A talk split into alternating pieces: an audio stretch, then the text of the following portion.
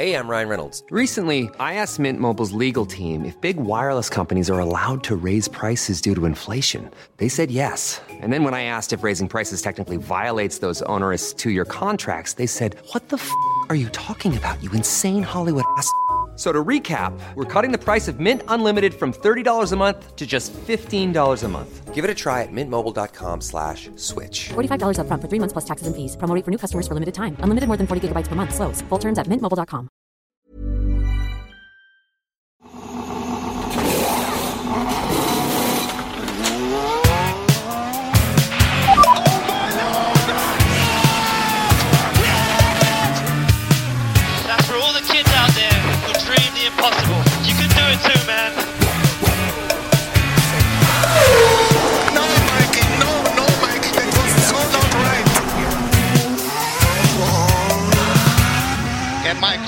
and steering wheel.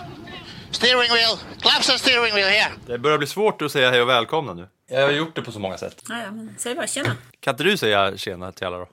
Visst kan jag göra det. Du ser, det är inte så jävla lätt. Det är inte så jävla lätt att bara ta något eh, från skallen och, och sätta igång avsnittet. Men nu har vi gjort det. Välkommen till avsnitt 39, Anna, och ni som lyssnar.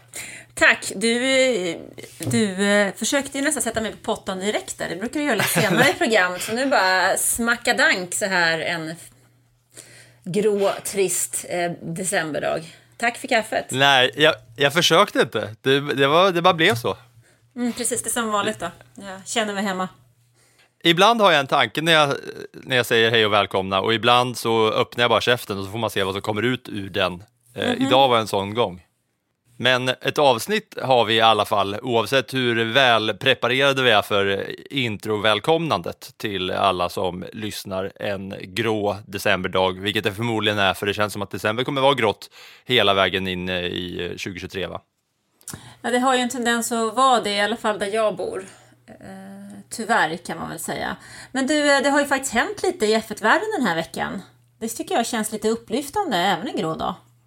Ja, det var ju som så många gånger förr när vi eh, väljer att eh, nämna någonting som, eh, som skulle kunna ske nyhetsmässigt i förra avsnittet när vi var inne lite på att ja, men det ser ut som att Binotto kanske går. Kommer han försvinna nu när vi släpper avsnittet eller är det värt att ta upp det? Sen så gick det några timmar på onsdagen när förra veckans avsnitt kom ut och pang så kom nyheterna om Matteo Binotto lämnar Ferrari vid eh, årsskiftet. Drar åt helvete. Han har varit där sedan 2019. Fast det stämmer Och det var ju. Ferrari själva som annonsade. Ja, han har ju varit i Ferrari i oändligt, men han har varit team principal som det heter. Ja, precis. Alltså, han, har ju varit, han har ju arbetat hos Ferrari ända sedan Michael Schumacher var där.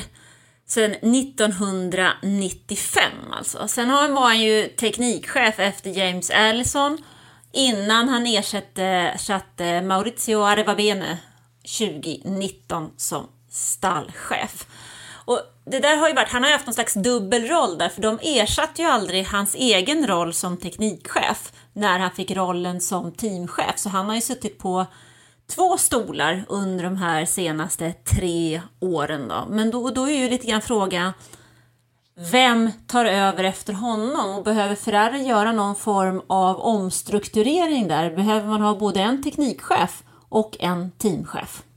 Jag hade tänkt att fråga dig om det där. Vem ska ersätta och hur det liksom ligger till? För att jag har förstått att Ferrari har ett lite annorlunda upplägg än de andra teamen. Där team principal, vad är, vad är det på svenska? Team principal? Är det teamchef bara helt enkelt? Stallchef? Stallchef, det låter mycket coolare på engelska, team principal. Att där är, har man ofta en dubbel roll som vd också. Alltså att man är någon slags CEO eh, samtidigt som man är principal på samma sätt som Horner och eh, Toto Wolf och f- flera andra team. Men, men att i Ferrari så känns det som att det, du har liksom ett, ett italienskt sportcheferi ovanför dig som alltid tar beslut alla liksom fotbollsvärlden eller fotbollmanager-känsla. Eh, att eh, där kan, där kan det alltid vara någon som, som rycker i trådarna ovanför din skalle. Och jag undrar hur, hur, det, hur ser det liksom ut där? Just där du sa att han var teknisk chef och sen blev han team principal. Alltså Ferrari har ju ett... Fer, Fer, alltså i grunden, för att göra det enkelt så kan vi säga så här. Att ingen inom Ferrari, varken förare eller eh, teammedlem får någonsin bli större än Ferrari själv. Så att Ferrari har ju liksom, man kan väl säga att de har en liten annan form av struktur för de har ju då Ferrari som ägare och sen så har liksom ett, ett styrelse med Fiat eh, styrelseparaply kan man väl säga. Men det är ju inte det enda teamet. McLaren till exempel, de har ju Zac Brown som VD och Andreas Seidel som teamchef. Hos Aston Martin har man ju Micke Krack som eh, teamchef, men där har, man, där har man ju ägaren i form av Lawrence Stroll, så det är ju lite olika för hur man har i struktur och hur man förändrar om. Men i det här fallet om man tittar på Ferrari så är det väl så att han har väl haft två roller och då är ju frågan hur man ska klara av att ersätta detta då, för att tittar man externt så är det ju brukligt att alla medlemmar inom de olika F1-teamen har någon form av karantänsbestämmelser.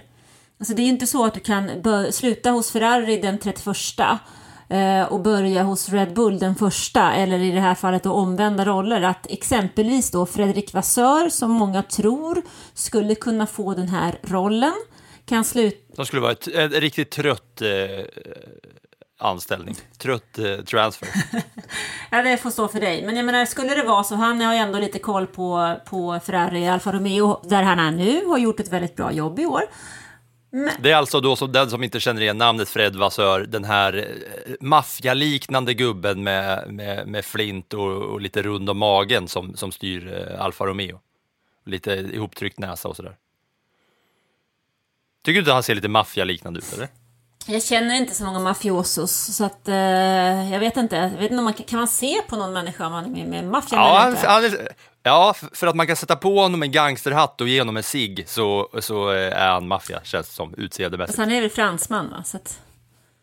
Ja, ja, ja, men eh, deluxe. Okej, okay, det får stå för dig. Men i alla fall så skulle han då byta för, från Alfa Romeo så kan den 31 så kan ju inte han börja hos Ferrari den första utan då har han ju garanterat någon form av eh, eh, karantän i sitt kontrakt och vad den är på, om de, är- den är på sex månader eller ett år, det har jag ingen aning om. Men där ligger ju någonting. Och samma sak skulle det vara om man då funderade över en sån som Andreas Seidel som är hos eh, McLaren så ligger ju också någon form av eh, karantän hos honom. Och jag har också läst någonstans att Ferrari skulle vara sugna på att ta tillbaks Ross Brawn som nu är ju är sportchef hos F1 och tidigare var teknisk direktör hos Ferrari under de åren som de vann, Ferrari vann allt i början av 2000-talet när Jean Tott var där, när eh, Michael Schumacher var där till exempel.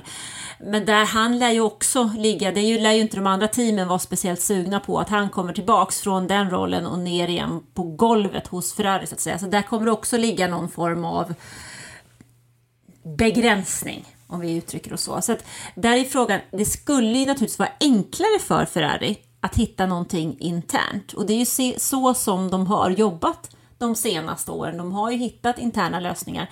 Sen har det kanske inte varit de mest eh, framgångsrika lösningarna eftersom teamet inte har vunnit någon titel sedan 2007. Nej, nej, men just det som jag är inne på, att det känns som att det styrs lite annorlunda för att Ferrari, det känns som att det är mer eh, omsättning, oj, det känns som att det är mer omsättning på folk där eh, också och att eh, att, det, att det rullas huvuden snabbare än, eh, än vad man hinner liksom sätta, sätta nya system på något sätt. Jo, Eh, och jag, jag vet inte hur det är med, med, eh, ja, med hi- histor, historiken kring, eh, kring den där rollen i, i Ferrari. Men där kan man ju också säga så här att Ferrari har ju enorma enorma, enorma krav på sig. Både internt och externt. De har varit med i F1 sedan 1950. Alltså ett Ferrari-hjärta och hela Italien. Ferrari är ju egentligen hela Italiens team. De ska ju vara med och slåss om titlar. Och har man nu som sagt inte vunnit någon titel på Sen 2008. 2007 Ja. Vann de inte konstruktörsmästerskapet 2008? Jo, men den räknas ju knappt i det här läget. 2008. Nej, nej, nej, nej okej. nej. Alltså, ja, det- Jag menar konstruktören vann de 2008 senast. Men jag tänker på den här förartiteln som är den tunga. Konstruktörsmästerskap i all ära, det är visst där pengarna finns.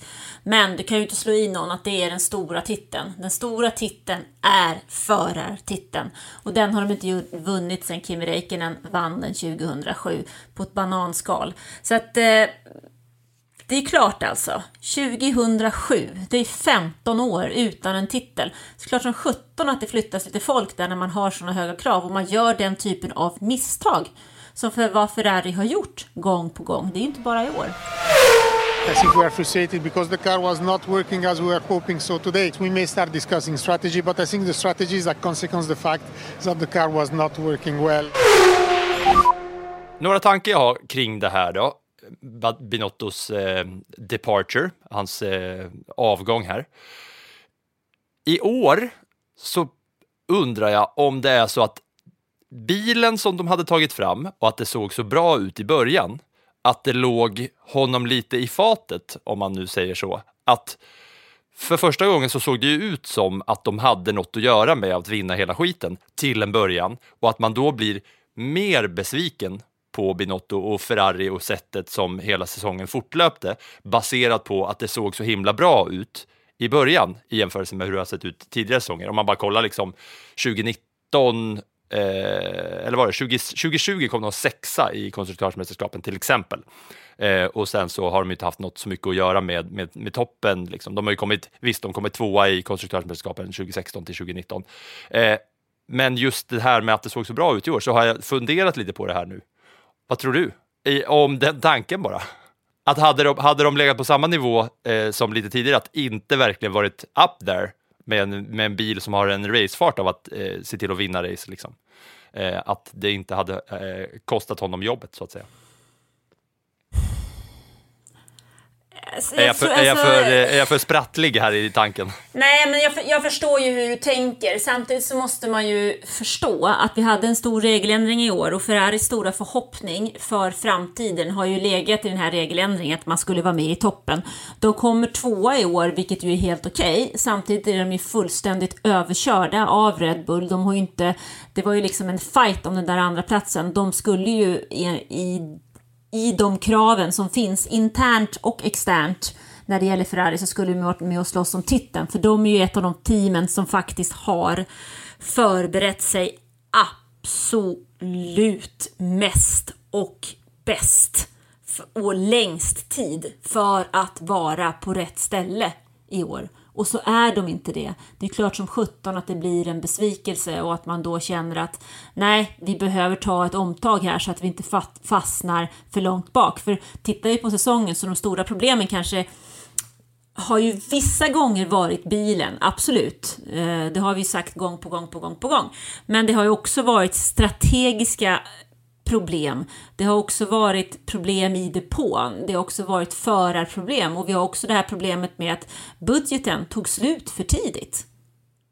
Alltså redan tidigt i höstas fick de sluta utveckla sin bil. Mercedes kunde fortsätta jobba med sin, men det kunde inte Ferrari. För att de hade inga pengar kvar. Och det där är ju också eh, en sak som jag tror har legat honom i fatet, om man nu säger så. För det ligger på honom också då som team principal att fördela då budgeten. Jag sitter och försöker eh, med mina händer här dra ut som en jämn filt, liksom, att det inte ska, allt ska ta slut i början, utan det är hans jobb liksom, att se till att, eh, se till att fördelningen av utveckling under säsongen är jämn och fin. Men vem är ansvarig för din plånbok om du gör av med hela lönen vecka ett? Eh, ja, jag försökte chef hitta någon koppling där. Ja, jag tänkte det också. Jag bara, min chef, vad har den med det här att göra? Det är väl jag själv, va? Ja, precis. Och samma sak, där hamnar ju också Binotto på den penningbubblan. För det är ju inte hans chef som är ansvarig för hur han fördelar. Han har ju budgetansvar för Ferraris F1-team och han har ju också en högre chef naturligtvis. Vad, vad är det han eh, lämnar efter sig då, eh, Binotto? Han började 2019 och då var det ju, han klev ju in, eller han började som team principal ska sägas igen, Eh, som du påpekade där i början, han har varit med länge. Jag såg bara i morse här nu precis innan vi började spela in någon gammal video på en yngre Binotto när Mikael Schumacher går runt i depån och intervjuar honom och Binotto som vanligt bara vill prata italienska, men han ser mycket mindre eh, gammal och fördärvad ut. Men när han började 2019 som team principal så var det ju en rejäl eh, motorkontrovers där med Ferrari som, eh, som kostade dem en hel del va? Ja, och jag tror ju att det där har ju legat honom på något sätt eh, är det ju efter, alltså den motorkontroversen som slutade med att Fia ger Ferrari någon form av bestraffning. Vi vet inte riktigt vad och vi vet heller inte riktigt vad de bestraffades för. Alltså det pratas ju om olika saker men det har ju någonstans aldrig berättats exakt. Eh, utan det är lite, lite hemligheter där och i det så började nog Ferrari redan då att kika fram mot 2021 som det först var det nya reglementet skulle komma. Sen försköts det ju ett år på grund av pandemin. Så redan där hela tiden så har ju Ferrari haft det här som en målsättning att då ska vi vara med, då ska vi vara bäst. De har väl tänkt att de ska göra det klivet vid den här regeländringen som Mercedes gjorde vid den förra. Och när man då inte gör det utan blir så tydligt överkörd så är det väl klart att det kommer en eh, liten smocka efter det kanske. Ja, en snyting. Mm. Eh, vad, vad, vad, tycker du själv hur de ska göra då? Du som har följt Ferrari i en herrans massa år. Vad, eh, vad borde de göra? Intern eh, strategi eller plocka in någon eh, superstar? Det är lite som en fotbollstränare i, om man ska jämföra sig med liksom större, bredare sport som, som eh, gemene man är van vid eh, med team principles på något sätt. Det börjar bli mer och mer. De har väldigt mycket liksom, mediautrymme och ställs till svars för det ena och det andra. Ja, men dels, eh, jag har lite svårt att se vad Ferrari har i de egna leden. För jag tycker någonstans, det är inte helt bra heller att försöka eh, hitta ett samarbete med en ny teamchef som ska sitta i karantän i ett halvår. För det är frågan om de har råd med det eller om tåget går under den tiden eh, när vi sätter en, en tilltänkt teamchef i karantän. Samtidigt så vet jag inte riktigt vad de har för någonting underifrån. Vad kan de hitta? Vad har de för material att bygga på? De har ju försökt att jobba internt och de har ju försökt att jobba italienskt nu under väldigt många år. Men det har ju inte varit så framgångsrikt som man kanske hade hoppats. Utan någonstans så, så tittar man ju också tillbaks på den tiden när Ferrari var som allra, allra starkast. Och då var det ju så att det var ju Michael Schumacher i form av tysk, noggrann, Ross Braun, britt. Sen hade vi då Jean Tott som var fransman. Och Rory Byrne, han, är han sydafrikan hon tror? Han som var konstruktör eller designer, chefsdesigner för Benetton och för den eh, bil som man använde hos eh, Ferrari. Och man jobbade i ett tight team där med flera olika nationaliteter. Och eh, de hade jobbat ihop, vissa av de här herrarna, redan hos Benetton innan i det teamet som Michael Schumacher vann sina titlar med 94 och 95 och så flyttade man hela den skutan eh, till Ferrari och de kände varandra och hade ett par år där man faktiskt jobbade i motvind i slutet av 90-talet fram till dess att den första segern kom då år 2000. Och då hade man ju en ja, men en stark grupp som jobbade tillsammans och man satte upp strukturer och eh, arbetssätt som fungerade för just de här personerna och framförallt då för föraren som i det fallet var Michael Schumacher. Och de testade däck Alltså, alltså han, han testade ju, på den tiden var det fritt att testa. Han testade ju timme ut och timme in. Och de hade egen däcktillverkare. Det var inte enhetsdäck på den tiden som det är idag, utan då var det, hade ju Ferrari hade Bridgestone och sen så de flesta andra teamen hade Michelin. Nu är det ju en däckleverantör som förser alla teamen med däck, så det är ju en väldigt annorlunda värld idag jämfört med hur det var då. Men Ferrari vill ju tillbaks till de framgångarna man hade då. Och frågan är ju, jag tror inte att man klarar av att nå det på väldigt kort sikt om man nu inte har något S i rockhärmen som inte vi känner till, som finns i teamet, som klarar av att bygga upp den strukturen. För det känns som det är väldigt, väldigt mycket jobb att göra om vi ser till alla de misstagen som de har gjort under säsongen. Jag ska bolla upp eh, några namn här bara. Jag går in på Ferrari eh, F1 Team och då ser man ju högst upp Leclerc, Carlos Sainz, under Mattia Binotto, han är inte borttagen där än. Sen under så är det Technical Team och då ser jag ett eh, face som jag känner igen från rutan som heter Laurent Meki. Lauren Mekis, känner du igen det namnet? Absolut, han är den som är eh, huvudchef egentligen för våran vän Dino Beganovic och Ferrari Driver Academy har han haft mycket jobb att göra med. Mm, Han har ju också varit på flera race i år när Binotto inte har varit där. Så det kanske, antingen så är det så att man ger en sån person möjligheterna eller också så drar Binotto med sig honom ut från Ferrari. Han har haft en för stor roll i misslyckandet.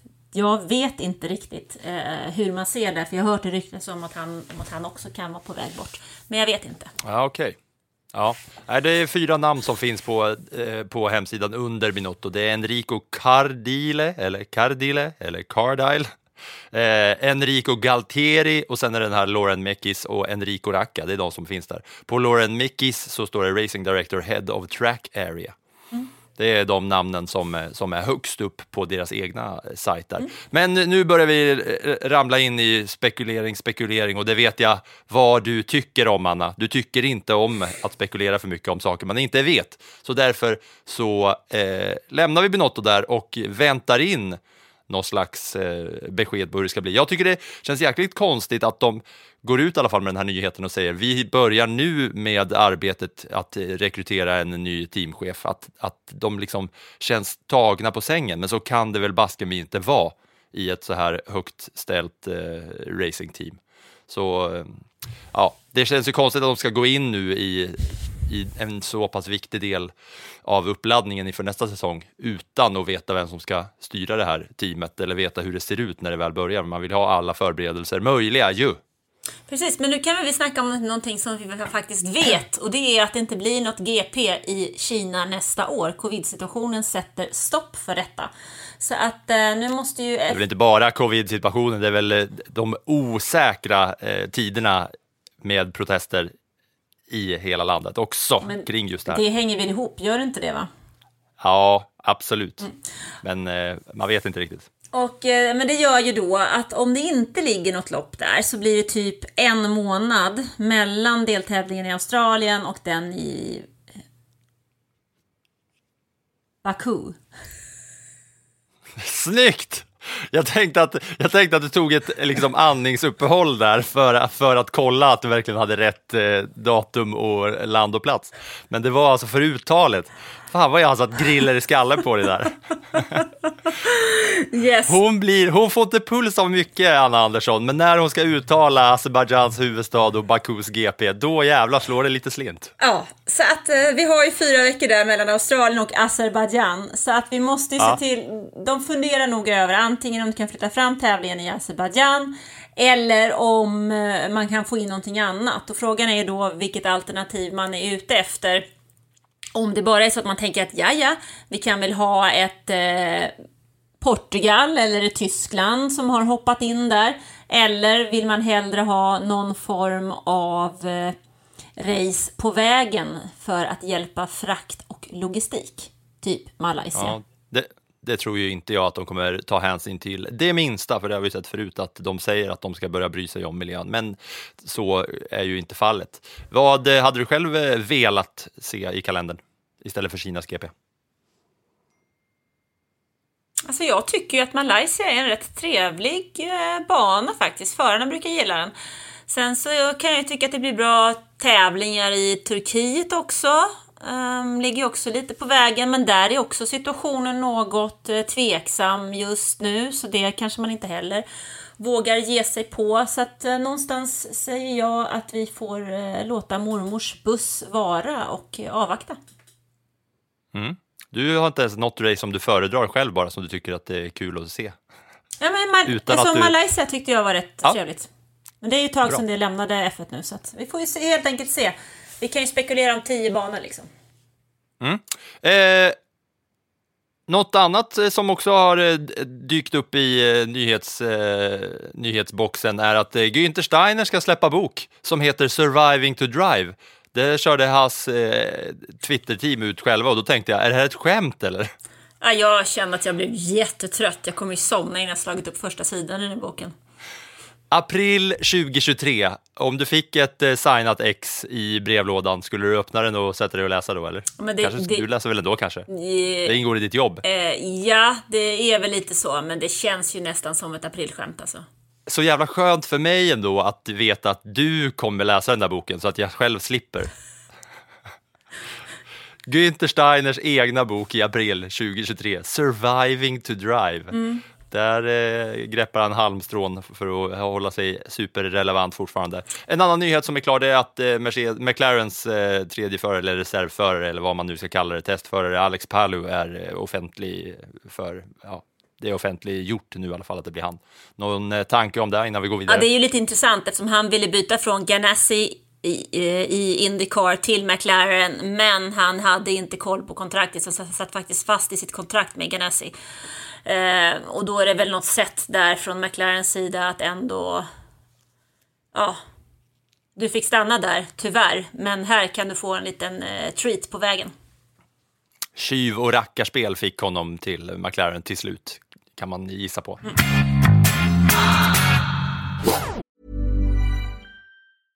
Ryan Reynolds here from Mint Mobile. With the price of just about everything going up during inflation, we thought we'd bring our prices down. So to help us, we brought in a reverse auctioneer, which is apparently a thing. Mint Mobile unlimited premium wireless. Have to get 30, 30, bit to get 30, bit to get 20, 20, 20, bit to get 20, 20, bit to get 15, 15, 15, 15 just 15 bucks a month. So, Give it a try at mintmobile.com slash switch. $45 upfront for three months plus taxes and fees. Promo rate for new customers for limited time. Unlimited more than 40 gigabytes per month. Slows. Full terms at mintmobile.com.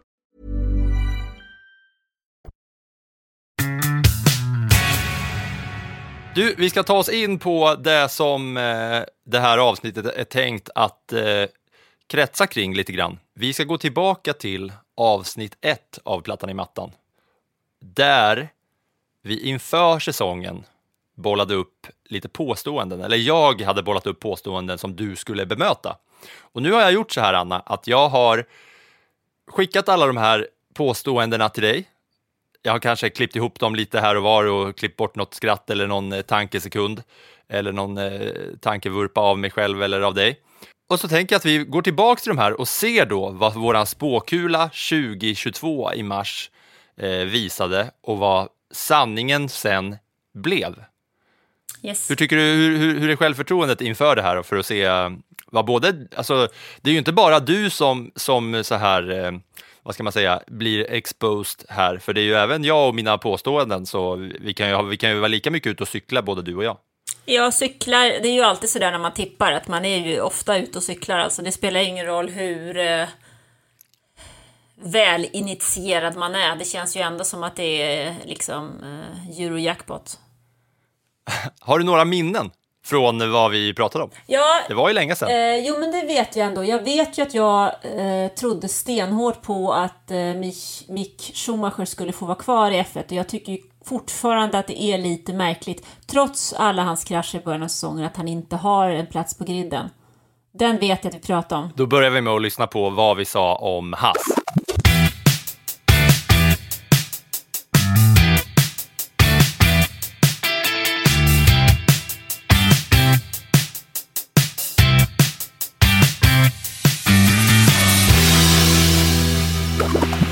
Kevin Magnussen kommer eh, vara bättre än Schumacher i princip i alla lopp. Det kommer göra att han blir första förare i Haas och sänka statusen för Schumacher. Nej, det tror jag inte att han kommer att göra. För att eh, jag tror att eh, det finns ett så pass starkt stöd för Schumacher och hans framtid från Ferraris sida att man inte kommer att låta, låta det hända. Ja, där hade jag ju fel när det gällde stödet från Ferrari. Sen å andra sidan fick han ju, inte, fick han ju verkligen noll stöd ifrån Haas också. Det kändes som att det där nästan var uppgjort från början när man har lyssnat på Günther Steiner. Eh. Du lät väldigt glad i alla fall, det tänker jag på. Ja, det var väl trevligt att jag var glad någon gång. Det var i alla fall i början av säsongen var man glad liksom, innan den hade startat. Eh, ja, så kan det gå. Vi får väl se vad han dyker upp nästa år, Mick Schumacher, för jag tror inte att vi har sett det sista av honom. Han är lite för viktig för en väldigt mäktig eh, bilmarknad. Ja, nej, men det var, det var i alla fall ett klart och tydligt besked från dig att det, det kändes inte som att det fanns på tapeten att eh, Kevin Magnussen skulle köra bättre än Schumacher. Och om man kollar på eh, hur det gick då i eh, mästerskapet mellan de här två, bara lite så här eh, sifferfakta, så kvalade ju Kevin Magnussen ut Mick Schumacher 16 gånger mot 5. Och eh, Magnusen kom 13 i mästerskapet och Schumacher 16. Och sen så vet vi ju att eh, Schumacher fick ju, fick ju lämna, så där var ju, eh, där var ju jag otroligt rätt på det. Eller? Ja, det, det var du. Jag trodde, jag tycker, måste säga att jag, där var det ju på något sätt så är ju Haas Haas är ju som typ Alfa Romeo, var ju starka i början av säsongen och där hade ju Kevin en stor fördel av sin erfarenhet. Som jag sagt förut, förra året så körde ju inte Mick Schumacher F1, han åkte ju bil. Ja, ta nästa då. Vi får i år reda på att Latifi kommer dra därifrån och ersättare blir Hulken Hulkenberg. Oh ja, då jublar jag kan jag säga om Hulken kommer tillbaka. Han är ju fantastisk. Eh, det finns så många som säger att han är dryg och sådär. Men jag har alltid upplevt honom som en rätt sympatisk kille med lite skön humor och ironiska skämt. Så att eh, jag blir bara glad om Hulken är tillbaka. Och Latifi kommer eh, lämna då, eller? Ja, ja. I sånt fall. Lite, lite ironisk touch och sköna skämt och då baserar du det. Det var ju innan du hade berättat för mig att Nico Hulkenberg hade hotat att döda dig om, du, om han skulle avslöja någon slags kontraktshemligheter eller vad det nu var. Wie lange ist das? Kann ich dir sagen, dann muss ich dich sofort umbringen. Wie bitte? Könnte ich dir sagen, dann muss ich dich aber sofort umbringen. Das wäre schade. das wäre schade. Ja, så allvarligt var det väl inte, men... Eh, ja. Men med facit i hand så blir det här lite roligare när man har hört eh, det avsnittet som kom cirka 30 veckor senare. Men vad sjukt ändå att, att båda de här är rätt på något sätt i mitt eh, obildade påstående inför säsongen. När jag då innan jag, alltså för eh, Latifi har ju varit eh, hela F1-världens scapegoat och med all rätt. Framförallt min då, eh, lilla ha hatobjekt. Men redan innan han hade blivit mitt ultimata hatobjekt så hade jag då eh, i min agenda att han skulle få dra och att Hulkenberg skulle ersätta honom i Williams. Nu blev det ju delvis rätt. Alltså att, och du blev glad till det? Ja, men, att, ja, men alltså jag tycker ju att Hulkenberg är lite rolig. Sen tycker jag att det är kul att skriva Hulken när jag lajvar. Det känns lite roligt. Eh, men sen också att Latifi skulle sti behöva sticka, det tycker inte jag, det var nästan inga odds på det. För att han fick göra tre år, men han har ju inte gjort något avtryck förutom i finalen 2021 överhuvudtaget. Alltså det har ju varit ett skämt. Eh, under de säsongerna han har kört, så det var väl inte en dag för tidigt. Han hade nästan ett för långt kontrakt måste jag säga. Det blev rätt för att Latifi får dra och det blir rätt för att Hulkenberg kommer tillbaka, men nu var det inte Williams som han kom tillbaka till, utan det var eh, Haas.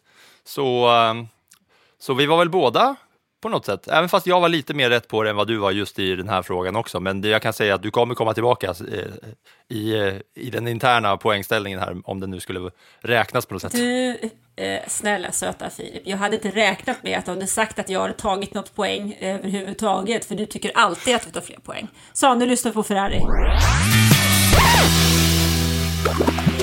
De kommer bli minst tvåa i konstruktörsmästerskapet. Sainz vinner Monaco före Leclerc dessutom.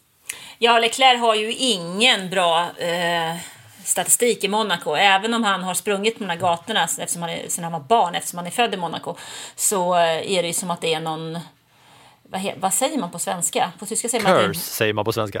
Curse, ja på tyska, på tyska säger man att det är en vom. Det är en orm i det. Det har gått, gått troll i det säger man väl. Um... Det har jag aldrig hört men jag gillar det. Mm, eh, det har väl gått troll i eh, Leclercs starter i Monaco, för det är ju alltid någonting som krånglar. Så jag kan mycket väl tänka mig att Sainz vinner den. Eh, blir minst tvåa i konstruktörsmästerskapet, ja varför inte? Föruppställningen är ju intressant tycker jag. Får de bara till bilen så. Det var väl det det hängde på, den där bilen, var det inte det? Jo, och det var kul att höra att vi hade börjat med våra ordspråk, där du har koll på ordspråken och inte jag, redan i avsnitt ett, för att det känns som att det är något som hänger med oss i alla avsnitt att jag inte kan de här eh, all, liksom, ordspråken som, som, som existerar. Men eh, hur gick det i Monaco då? Jo, Sainz vann inte, för det gjorde ju Perez, men han kom i alla fall före Leclerc. Ja, de klantar ju bort sig igen i Monaco med en eh, makalöst dålig strategi. Mm. Och där hade du rätt att det hade gått troll i eh, Leclerc starter i Monaco. Det, det fortsatte ju så. Sen var det ju kul att eh, de blir tvåa, minst tvåa i konstruktörsmästerskapet, eh, sa jag ju där. Och eh, du svarar ja, varför inte? Får de bara till bilen så. Och det fick de inte. Känner du med facit i hand där? Ja, men de fick ju till bilen och blev tvåa i mästerskapet, fast de, liksom, bilen fick de ju till, känns det väl som, eller? Ja, bilen fick de väl till, men den var inte kompatibel med motorn kanske. Ja, ja men un, un, ungefär något sånt. Och så klantade de bort en hel del poäng. Men tvåa i mästerskapet blev de. Det blev de. Ska vi ta nästa? Och McLaren då? Då säger jag så här. Ricardo hittar tillbaks till fornstora dagars form och kommer utmana om fjärdeplatsen i totalen. Han slår Norris med lastbilslängder. Ja du, då tror jag att vi inte har så glada miner i det där teamet som är känt för att vara skoj och skratt, eh, Twitch och TikTok och eh, sociala medier. Då kommer det inte bli några practical jokes där mer. Det tror jag inte. Vad tror du om det då? Möjligt? Att Ricciardo slår Norris? Med lastbilslängder? Ja, nej. En liten Porsche kanske? Där var ju jag total ute och cyklade i alla fall, det kan vi ju slå fast. Ja, och det var ju inte ens, han slog honom inte ens med en leksaks-Porsche, utan eh, det var ju toktorsk. På alla sätt och vis de där två emellan ju. Ja, ja. Det var ju, han hade ju, ja, vi alla vet ju hur det har gått för Ricardo, men eh, min känsla inför säsongen där var ju helt åt helvete. Det är så här att eh, han blev utkvalad 20 gånger av Lando Norris. Själv så vann han två av de där eh, kvalen, eh, de båda emellan. Och det känns som att då eh, hade ju Norris magsjuka och alla sjukdomar som han kunde ha. Det känns som att det var de två gångerna utan att veta. Han eh, vann bara mot Norris fem gånger. Norris outracade Ricciardo 19 gånger. Så satan vad fel jag var på det. Så kan det vara. Ska vi köra alpin då? I alpin så vill jag säga så här. Fernando Alonso gör en Reikonen och då är det inte att han kör iväg utan handskar och eh, steering wheel utan att han lägger ner. Det är ju inte omöjligt. Samtidigt har jag faktiskt öppnat för en förlängning. Alonso till skillnad från Räikkönen har ju inte familj och barn utan F1 är ju på något sätt hans liv. Han testade ju att leva utan när han körde väck och höll på att testa till Indy 500 och så, men jag tror nog att om han får välja så är han nog kvar. Men frågan är om beslutet är hans. Där hade du riktigt bra fingerspitzgefühl. Ja, han fick ju välja och valde att fortsätta. 100 procent rätt. Mm. Ett, att om han själv får välja, men det var ju också lite, han lägger ner i alpin blev det ju. Ja. Han la ju inte ner hela, hela skiten. Nej, men nu är du ju verkligen och försöker att hitta möjligheter för att du ska få poäng här alltså. Sluta! Behöver vi sätta upp, Nej, sätta upp regler liksom för nästa sån här grej till nästa säsong? Ah. Ja, men det kanske vi ska göra. Mm.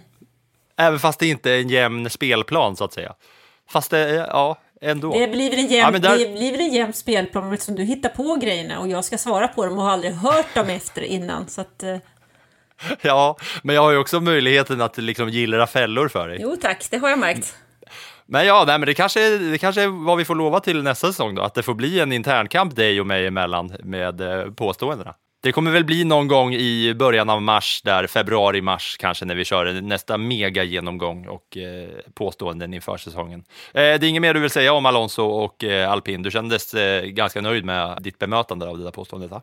Det tycker jag. Nu kör vi Alfa Tauri. Let's go! Pierre Gasly kör till sig en ny chans och plats i Red Bulls stora team. No, never ever. Ska han vinna VM så får han nog välja sitt annat team. Då kan det vara eh, mer troligt att alpin, han kliver över till alpin i det läget. För att jag tror inte, alltså Red Bull med framförallt Helmut Marko som gillar att sätta press på folk. Han är ju ingen jättefan av Gasly och Gasly klarade ju inte av det. Han var ju för ung när han kom dit. De knäckte ju killen. Jag kan säga till er att Anna och jag tittar på varandra här och när hon säger att han ska till alpin så lutar hon sig tillbaks belåtet på stolen och slår ut med armarna. Ni vet som den här kanske-emojin som håller upp armarna bara. Jaha, ja ja. Så det kan bli. Någon gång har man rätt också. Ja, väldigt, väldigt, väldigt rätt hade du där. För det var inte mycket, det var väl inte en enda jävel som hade nämnt något om att eh, Gasly skulle lämna Alfa Tauri och gå till alpin när säsongen var i sin linda i mars. Fingerspitzgefühl. Där måste du varit först på det av alla F1-journalister. Du, ingen aning, jag har inte ens kollat efter. Men som jag sa, du ställde ju de här frågorna, de här påståendena till mig. Jag hade ju inte hört dem innan. Så att jag fick ju verkligen eh, bolla upp där. Jag vet inte.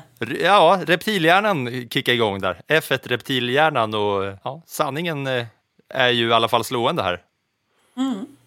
För det som Du, hände du var... Det, ja, det, du vill gå vidare, gå vidare, kör. Bottas tar noll poäng den här säsongen och bevisar att bilen gjorde föraren under hans tid i Mercedes. Ja, att Bottas tar noll poäng är ju ingen omöjlighet. Eh, däremot så kan, ja, bilen gjorde nog föraren till mångt och mycket. Samtidigt är Valtteri Bottas ingen dålig förare, för han gjorde ett jättebra jobb i Williams innan han kom till Mercedes. Men eh, noll poäng ser du ändå som rimligt. Ja, men det är väl inte orimligt i alla fall. Så kan jag väl säga.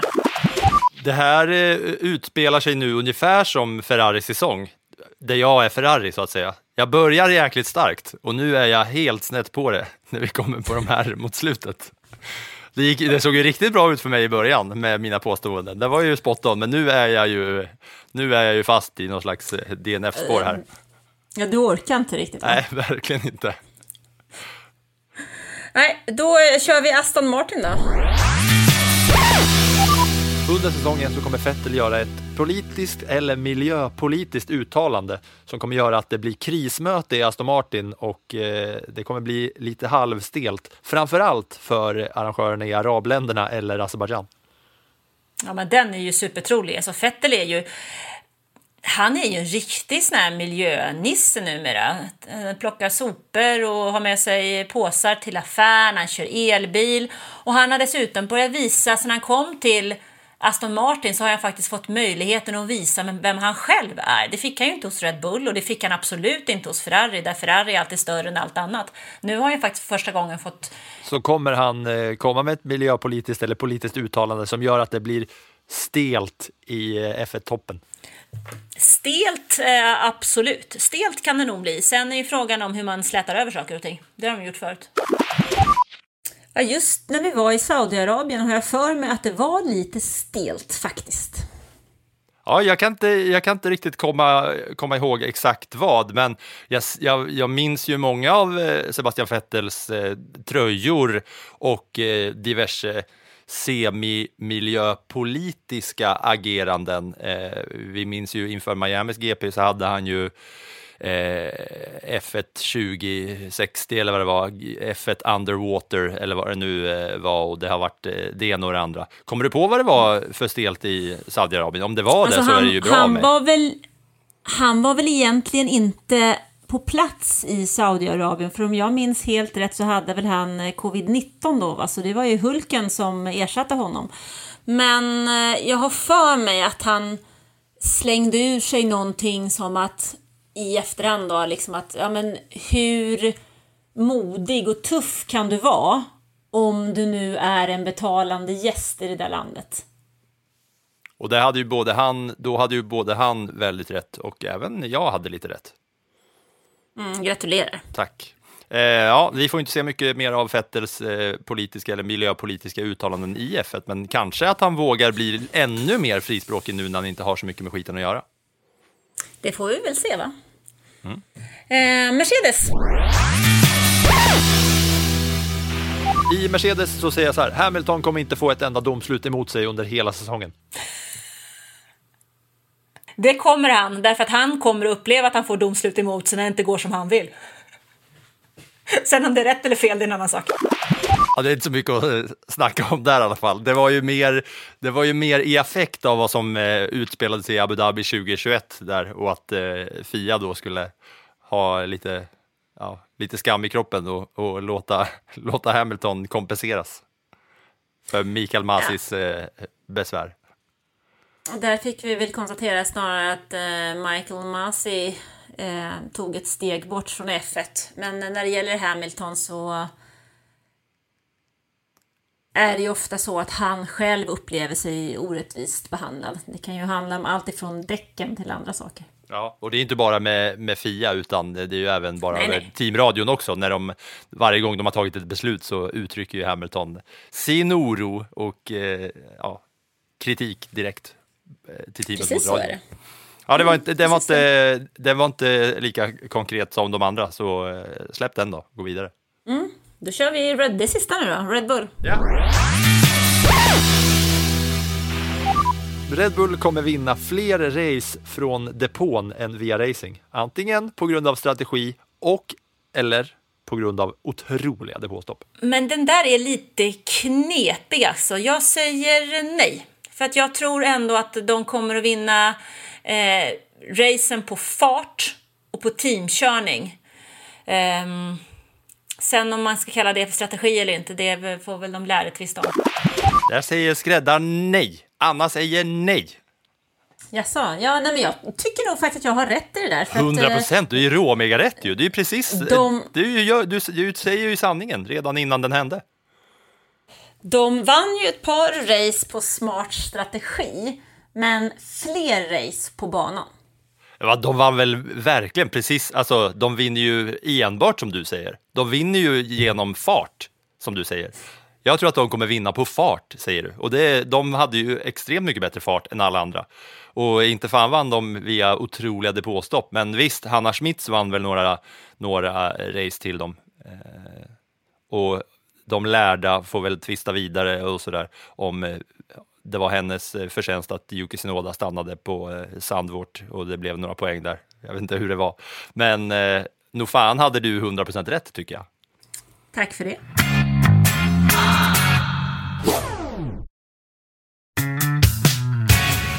Eh, hur känns det? Känns, känns det som att det kommer bli lite extra kul för nu sätter vi lite mer prestige i det när vi vet, eh, när vi vet hur det känns efter en säsong med de här påståendena?